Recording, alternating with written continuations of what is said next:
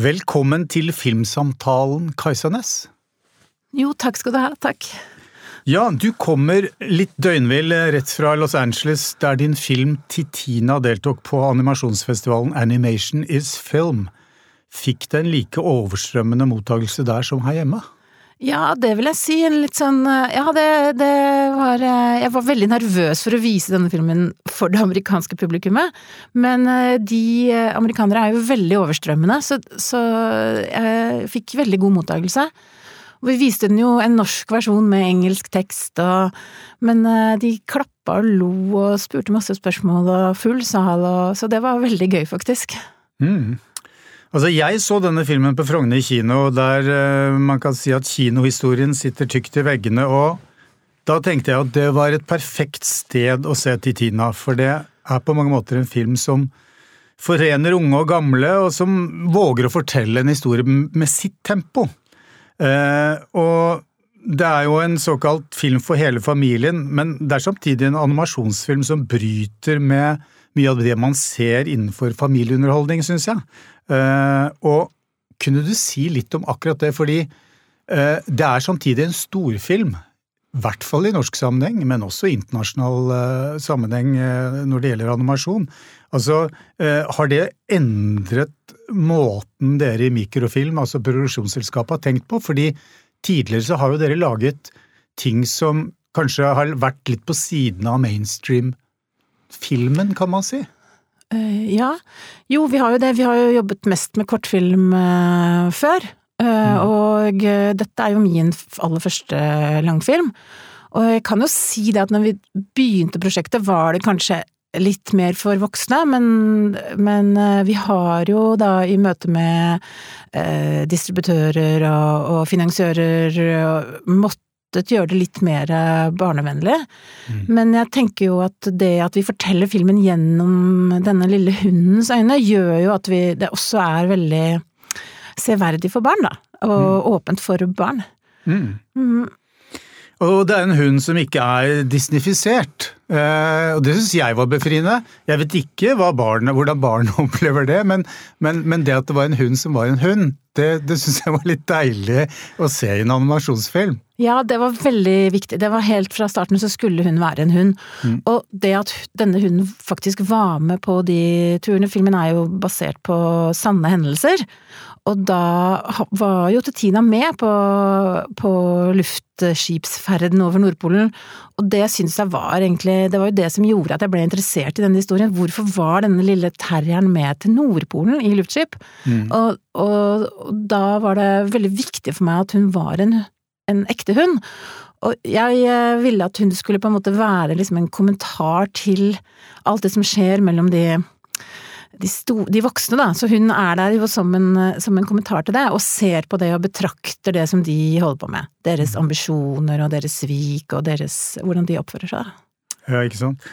Altså, det er Vi har ditt sensitive regiblikk i filmen, og så har vi Per Skreiner, altså manusforfatters skjeve blikk på norsk polarhistorie, og så Siri Dokkens visuelle karikaturer.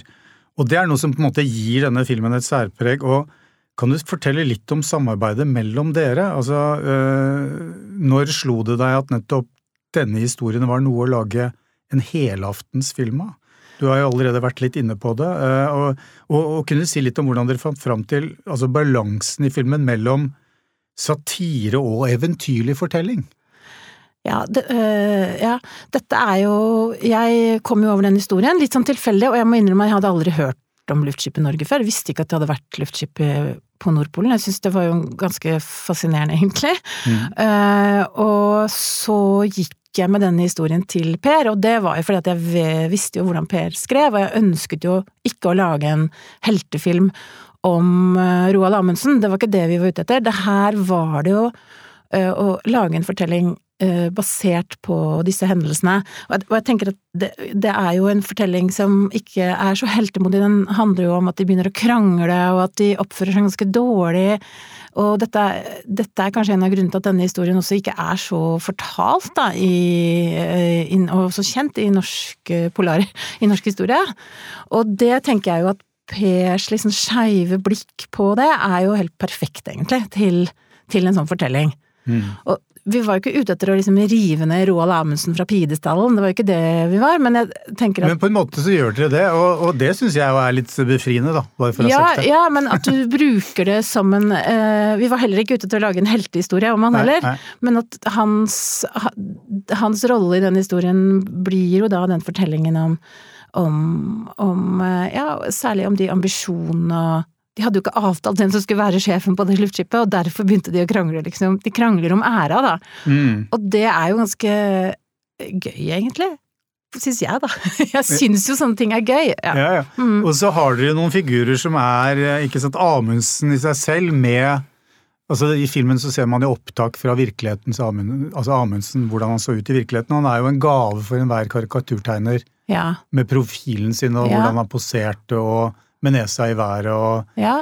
Altså det er jo, Og så har du selvfølgelig Mussolini også, som også er, eh, er en superkarikatur, eller var det i virkeligheten, nærmest. I hvert fall Ja. av det vi så av opptak.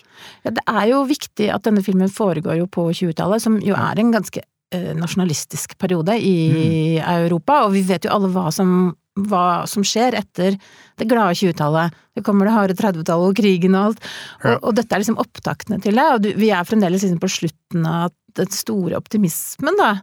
Og det var veldig viktig for meg at, å for eksempel ha med ha med Mussolini som et, eh, et eksempel på den nasjonalismen, og du har det jo også hos Amundsen som planter det største flagget, de krangler om hvem som har størst flagg, for eksempel. Mm. Og det eh, var viktig å vise han, vise det som en Ha med det som et slags komisk element. Eh, men også samtidig litt farlig. Det er viktig at Mussolini også var litt skummel og farlig, da. Vi kan ikke bare liksom le og tøyse av Mussolini, men også vise at han er litt farlig, da. Det er det jo. Det blir litt som å se eh, kanskje Chaplins Diktatoren. Ja. eh, Noe i den retningen, kanskje. Vi drev jo og designet disse karakterene også, for eksempel Mussolini, mens eh, Donald Trump rådet, da, i Mm. Amerika. Så vi har jo brukt mye av hans fakter også, faktisk, i animasjonen og i inspirasjonen for karakterene. Ja, ja. Ja. Altså, eh, stemmene i filmen er jo også avgjørende for hvilken retning satiren tar, da, og, og Nobile har jo den mest beroligende stemmen, Ja. kan du si, og, og mens Amundsen og Mussolini er liksom karikerte. Altså, kan du si litt om valget av stemmeskuespillere her? Eh, Ja, altså Jan Gunnar Øyse har jo vært med helt fra, de har vært med helt fra starten, ikke sant? Av, og det var viktig for meg at vi har en, en menneskelighet i de, i, karakter, i de hovedkarakterene. Eh, og jeg syns at uh, Jan Gunnar er jo veldig, veldig uh, erfaren med Han har gjort kjempemye dubbing, og de er veldig, veldig flinke. Og så måtte vi jo ha Det var viktig Altså Jan Gunnars karakter, da, nå ble han gjør jo noen ting som du må på en måte forstå han, for han gjør jo noe som i filmen som, som på en måte Han svikter jo på en måte. mm. Og da må vi også like han når han blir Så vi må på en måte bli sånn forelska i han og synes at han er sympatisk, da. Og Jan Gunnar er jo da rykte på seg for å være Norges mest sympatiske skuespiller, så derfor så gikk vi for han. ja, ja. Men han er jo veldig leken og rund, og jeg liker veldig godt at han er sånn fnisete, for eksempel. Han er veldig menneskelig, det er viktig at han er litt menneskelig. Og så gikk vi for Kåre Konradi som Amundsen for å lage også en, en Amundsen som har flere sider. Han er, kan på en måte være liksom pompøs og, og øh, høytidelig i stemmen, men samtidig så har han sånn en veldig morsom timing, syns jeg, Kåre Konradi. Humoristisk timing som vi var liksom ute etter å, å ha da, i filmen. Mm. At det blir litt eh, litt latterlig, men også elskverdig. Det er, var litt viktig. Og så tøysa vi jo mye med de andre karakterene, sånn som Mussolini har vi jo eh, tatt mye mer ut, da. Men, men det var sikkert ikke noe dere tenkte så veldig bevisst på da, men, men det er jo klart at det er jo en parallell til vår tids framvekst av nasjonalisme også. Eh, mange av disse karakterene og hva de sier og, og, og Altså den sånn type brautende nasjonalisme, da, som, vi, som på en måte er, er, er blitt en tendens igjen eh, i Europa og for så vidt rundt omkring i verden. Eh, men, men, men eh, det er vel det er for den som ønsker å trekke den parallellen. Ja, det er det jo, og det er jo bevisst det òg, da. At, Mm. at dette, selv om dette foregår på 20-tallet, så mener jeg at dette er jo veldig eh, viktig i dag òg, og det er jo derfor jeg sier at vi har ikke først og fremst vært ute til å fortelle en sånn heltehistorie om polære oppdagelser, men vi, Mm. dette er på en måte en historie om vi pleier å si at det er en historie om de små følelsene i de store landskapet, er det vi pleier å si om den. At det er på en måte eh, Ja, disse heltene har også de liksom smålige følelsene som vi alle har, da. Hmm. Altså, vi har, vi har eh, streken, figurene i, i animasjonen som er utformet delvis av uh, Siri Dokken. Eh, men så har vi jo da en hærskare av belgiske animatører. Ja. Eh, og kan du si litt om hva Siri Dokken har tilført, og hva, hva disse aktørene har tilført? Ja, hvis du kan begynne med Siri, da. Så. Siri var jo veldig tidlig inne i en av de første vi liksom gikk til med prosjektet.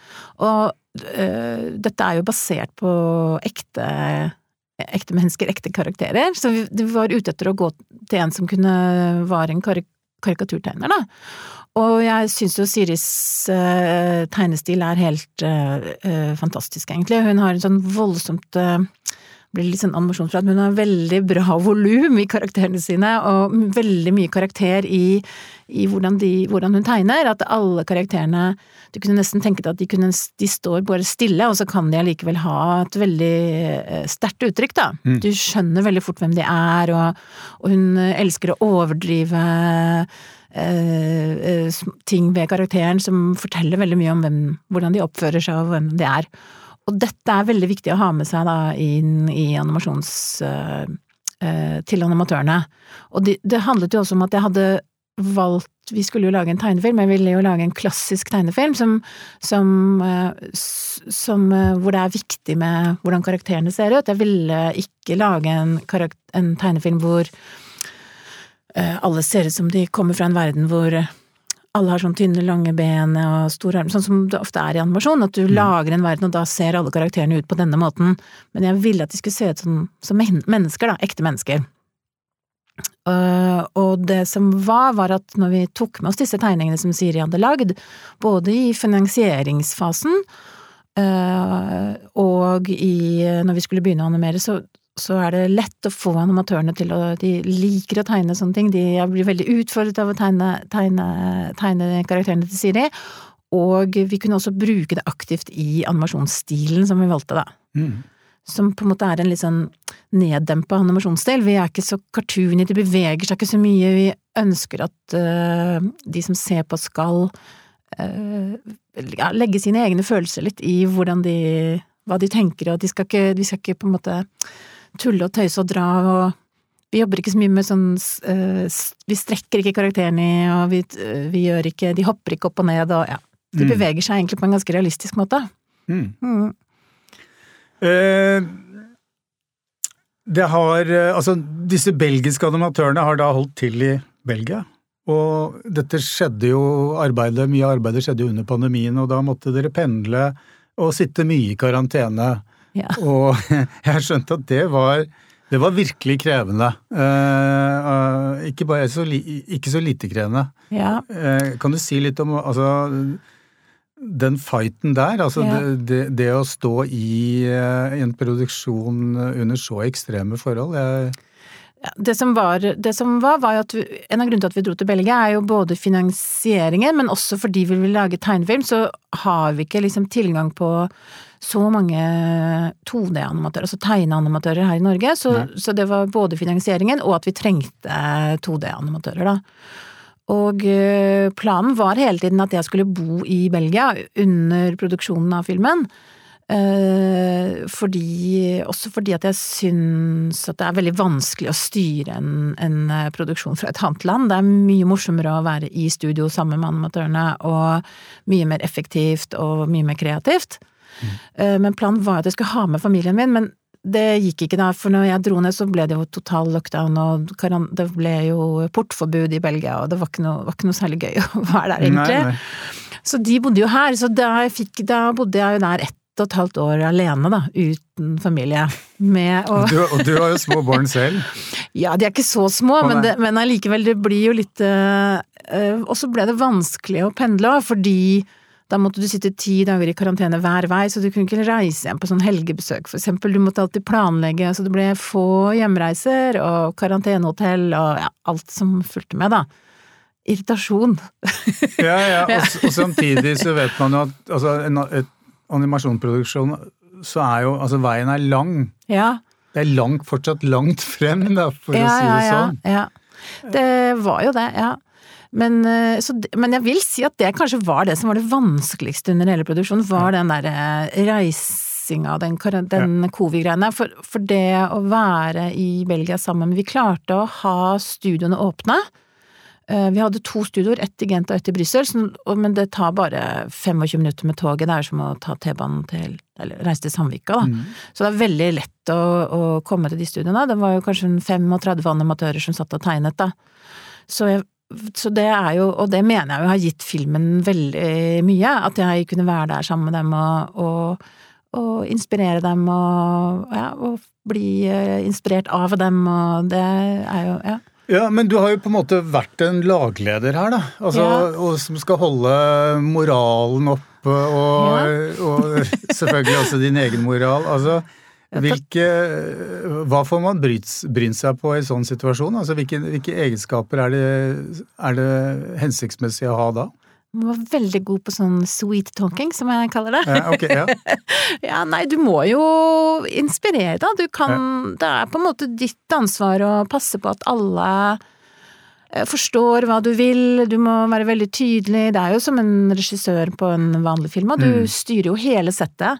Og du, du eh, Ja, jeg Det som er, er at du du har jo flere avdelinger i animasjon, og da har du jo ofte det som kalles for en supervisor eller en head off eller en ja. Så jeg jobbet jo veldig tett med da en animasjonsregissør, kan du kalle det da, eller head of animation, som igjen liksom styrte sine supervisors. Sånn at du, du sitter jo i sånne små team da, og så hele tiden ser på hva de har laget, og vi diskuterer ting som, som animatørene har gjort, og så får de tilbakemeldinger, og så jeg er jo ikke helt alene om å være den Eh, den supersjefen Jeg er liksom sjefen over alle sjefer, og så mm. har jeg mange sånn undersjefer som også sjefer sammen med meg, da.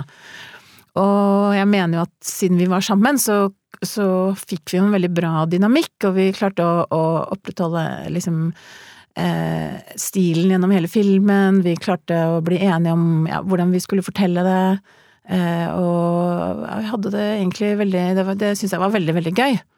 Og vi mm. satt ofte i de møtene og så på, vi har liksom møte annenhver dag og ser på ting som er produsert, og så hver dag, hver gang nesten så sier vi sånn oh, nå tror jeg dette er min nye favorittscene. Så det var veldig gøy, det var kjempegøy å jobbe med dem. Mm. Veldig dyktige. Mm. Hva, utenfor Norge, hva, hva, er det de har festet seg ved i denne historien? Eh, fordi, altså, du kan si at uh, historien om, om Nobile og, og, og uh, Amundsen er jo relativt kjent. Uh, ute, men, men, ikke så sånn Det er jo ikke en historie som uh, altså Som du selv var inne på her, uh, ikke alle har hørt om den. Hva, men allikevel så, så det, må, det, er jo selve historien som slik dere skildrer den og ønsker, har ønsket å skildre den, som på en måte har tent Enten det er finansiører eller, eller andre da, som har vært involvert? Jeg, jeg, tror at det er den blandingen mellom det litt sånn humoristiske og at ikke det er det er ikke nødvendigvis en sånn heltehistorie. Mm. At vi klarer å Jo, at det er litt menneskelig i en den At vi finner det, da. Jeg tror det er det egentlig de har, de har festa seg ved. Eh, vi har vært mye diskusjon om Vi bruker jo dokumentarmateriale fra den første turen, altså arkivmateriale, da, som er i filmen. Det har vært mye snakk om det, om det skal være med eller ikke, og uh, at de syns det er gøy at det er basert på sanne, en sann historie, og at det er uh, Jeg tror også at en ting som er viktig i Europa, er jo også at det er en tegnefilm, faktisk. Mm. At det er Det er jo en stor Eh, det er jo produseres mange tegnefilmer nedover i det vi kaller for Benelux-landene, da, mm. er, og Frankrike, hvor de har, en, de har veldig mange 2D-animatører stor, og det tror jeg også er ganske viktig for dem, da. Ja. Ja. Nei, hadde, jeg, hadde, jeg, lest i et manus at man skulle mikse altså inn uh, arkivopptak, så ville jeg, ville jeg, vært skeptisk, men når jeg så det, så, så reagerte jeg ikke. Jeg syns det fungerte ja. helt greit, Ja, jeg var aldri redd for det, da. Nei. Jeg har jo gjort det masse i kortfilmene mine også, basert ting eh, filmene mine på det, enten om det er animerte dokumentarer eller på, på en måte historier fra virkeligheten, da. Det er jeg jo alltid veldig glad i. Så jeg var aldri nervøs for det, og jeg ble jo vel, fant jo dette materialet, filmmaterialet veldig tidlig, og jeg syns at det er helt utrolig vakkert, da, det arkivmaterialet. Det Ja, ja, ja syns jeg. Ja. Ja. Men jeg må også si at en av de tingene som kanskje også fester seg ved, i hvert fall særlig nedover i Europa, er for eksempel Siris design, da. På hennes karakterdesign, som er også veldig liksom klassisk tegnefilm, og kanskje tegneseriedesign som er veldig liksom høyt øh, elsket da, i nedover i Europa, og også det designet vi har på filmen, at det er ja, fargerikt og øh, ja, skiller seg fra andre filmer, da. Mm. Det må jeg si. En av de internasjonale aktørene dere har fått med, er jo produsent og distributør eh, Jeg vet ikke om jeg uttaler det riktig. Le Film de Losange, eller eh, noe i den duren. Altså et eh, Er det et fransk selskap som er kjent for å distribuere veldig mye toneangivende arthouse-film i Europa? Ja. Og dette var på en måte et nytt kapittel for dem også? Ja, vi hadde Vi ble jo først oppmerksom på at de begynte å komme på Det finnes jo mange sånne samproduksjonssteder hvor man treffes i animasjon, som for eksempel Cartoon Movie eller ja. Og da plutselig så ble vi oppmerksom på at de begynte å komme på, på disse stedene. De, du kan se alle deltakerne. Og vi er jo eh, De har jo mye respekt, da, Film de Lausange, som, som distributør, og også De produserer vel bare Haneke nå, tror jeg. Det, Mm. det er ikke noe annet eh, andre filmer de produserer, men distribuerer eh, film, da. Og så begynte vi å snakke med dem, og, og ble kan, kanskje like overrasket som deg, når de plutselig var interessert i det prosjektet, da. Ja. Og veldig stolte og glade for det. Og så får vi se, det er jo deres første animasjonsprosjekt, og jeg tror Ja, vi får se hvordan det går. Som de distribuerer, de har jo ikke det. Men de har jo også tatt inn flere nå, og alle de er helt sånn tydelige tydelige i på en måte ikke- ja, Kanskje man skal kalle det for indie-animasjon, eller man skal, vet ikke. ja. Fordi, altså, Det er ofte veldig visuelt det fine Er dette en arthouse. arthouse-animasjonsfilm? Ja. Det er jo det er kanskje litt innsnevrende, og for, og for de, de yngre og minste så, så betyr jo det ingen verdens ting. Nei, jeg vet ikke, men hva vil man kalt øh, Det er jo alltid liksom øh, øh, skummelt å si at man er øh, inspirert av sånne store mestere, da, men, men da hva vil man Vi har jo vært veldig inspirert av japansk tegnefilm òg, ikke sant? At du Og øh, jeg opplever ofte at øh, de, noen av de historiene som du ser fra fra Japan, fra eksempel Studio Ghibli, for, i forskjell for eksempel amerikansk animasjon, så er det et annet tempo, det er liksom en større realisme, egentlig, i, i animasjonen enn det er i ja, det er realistiske De blander veldig mye det realistiske og med det magiske, som jeg er veldig, veldig glad i. Mm. Som, som kanskje har vært en stor animasjon Nei, inspirasjon. Mm. Men uh, om det er Arthouse, er jeg usikker på. For jeg føler jo at det er veldig Det er så vanskelig å definere det som det. Jeg føler jo at det er veldig tilgjengelig. Det er jo ikke noe vanskelig på noen måte, eller Ja. Nei. Skjønner du hva jeg Altså, mener? Ja. ja, og dessuten, who cares? Altså, det betyr vel noe for de som skal selge filmen i Europa ja. eh, når de skal beskrive den. Og uh, ut i Europa skal den, og ut i, ut i verden, det er det ingen tvil om. Uh, altså, du hadde det første møtet med et internasjonalt publikum i Los Angeles, men også i Fred, på Fredrikstad Animation Film Festival. Eh, Ja. og, og, og så hadde den premiere nå, i Norge først, før den skal videre. og i- ikke Altså, den ble, er sett av 6000, i overkant av 6000 eh, så langt. Eh, det er jo ikke fryktinngytende stort, Nei. for å si det på den nei. måten. Nei. Eh, og så kan man jo lure på hva det skyldes, i og med at det er en film som har fått superpositive kritikker eh, over hele fjøla. Ja, den har jo fått så gode kritikker at den nesten er litt flau, på en måte. Jeg vet ikke helt hvordan jeg skal forholde meg til det, men Ja. jeg, det kunne jeg aldri tørre å håpe på så god mottakelse, egentlig, da. Mm. Eh, nei, det med de eh, og, Sånn at det er, jo, det er jeg jo veldig, veldig stolt av. Og så får vi nå bare se, dette handler om ting som ikke jeg kan så mye om, egentlig. Om distribusjon og om hvordan kinoene funker og Vi har jo prøvd å lage en veldig lett tilgjengelig kampanje, føler jeg. Så Mm. det er eh, Kanskje det er eh, rart at det er tegnefilm, at folk ikke tør å se tegnefilm. Jeg aner ikke. Nei, men, men, det, men- det, det, er, det er jo litt sånn uvant eh, Litt annerledes tider på kinoen. Man, eh, alle klør seg litt i hodet fordi filmer som vanligvis kanskje ville gjort det veldig bra, gjør det ikke så bra som man hadde forventet. Og det, det kan virke som kinopublikummet fortsatt sitter litt på gjerdet etter pandemien.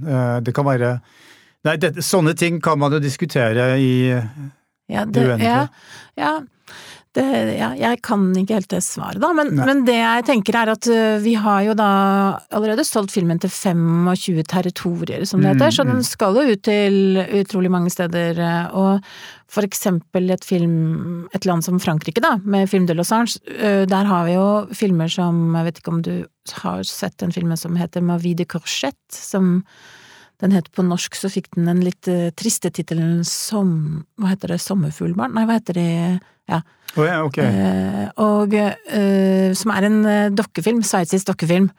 Som Den ble jo sett Som er ganske enkel og fin og vil jeg vel kalle det som i kategorien Samme kategori som Titina. Da, den ble jo sett av over en million i Frankrike. Ja, mm. Sånn at du har jo på en måte et annet uh, publikum nedover i Europa, da. Og et større Ja, større, et publikum som er mer vant til å se forskjellige animasjonsstiler, vil jeg tro. Ikke sant? Mm. Og, og hvordan er det italienerne kommer til å forholde seg til det For ja. Nobile er jo et, et ikon der nede. Ja, jeg tror at han det, Får han en oppreisning i denne filmen? Ja, det, på et vis så gjør han jo litt det, da, men han, men han gjør jo også ting som kanskje han ikke burde ha gjort, han også, da. Ja. Men, men eh, jeg tror at han Nobile ble jo på en måte landsforvist etter, eh, etter disse turene, og av fascistene. Han var jo Mm. kommunist, og, og flytta da til Russland og, uh, i, på 30-tallet. Mm. Og bodde litt i USA, tror jeg, og så kom ikke tilbake til Italia før etter krigen, etter Mussolini. Mm. Han var ikke populær hos fascistene, da, de ville jo bli kvitt han. Og så har han på en måte kjempet litt for øh, å få den oppreisningen, gjorde han jo hele livet, og han ble jo ikke særlig godt ivaretatt av det norsk, her i Norge heller. Han, de satte opp statuer av Amundsen, men ikke av Noble, og dette er det, Han ble, ble fikk ikke noe Han fikk en plakett, liksom. Så er, det er en restaurant i Oslo som heter Amundsen Nobile, er det ikke det? Jo, Eller var det? tror den finnes fremdeles. Lurer på om den har flytta rundt. Ja. Det er litt sånn ølbulested, jeg. er jeg er ikke sikker, jeg har ikke vært der. Nei, ikke sant. Nei, og så gjenstår det å se om de, de nye i anførselstegn fascistene i Italia vil sette pris på eh, utritningen av Mussolini. Mussolini, ja. Men vi hadde på premieren så var den italienske ambassadøren og familien, de var veldig fornøyde. Ja. De var veldig glad for filmen, og eh, de skal vise den på det italienske kultursenteret, og ha, vi skal lære de italienske barna å tegne til Tina. Så vi har på en måte fått en slags aksept der, da. Ja. Mm. Tusen takk for at du ble med i Filmsamtalen, Kajsa Næss. Det var kjempehyggelig. Jo, takk.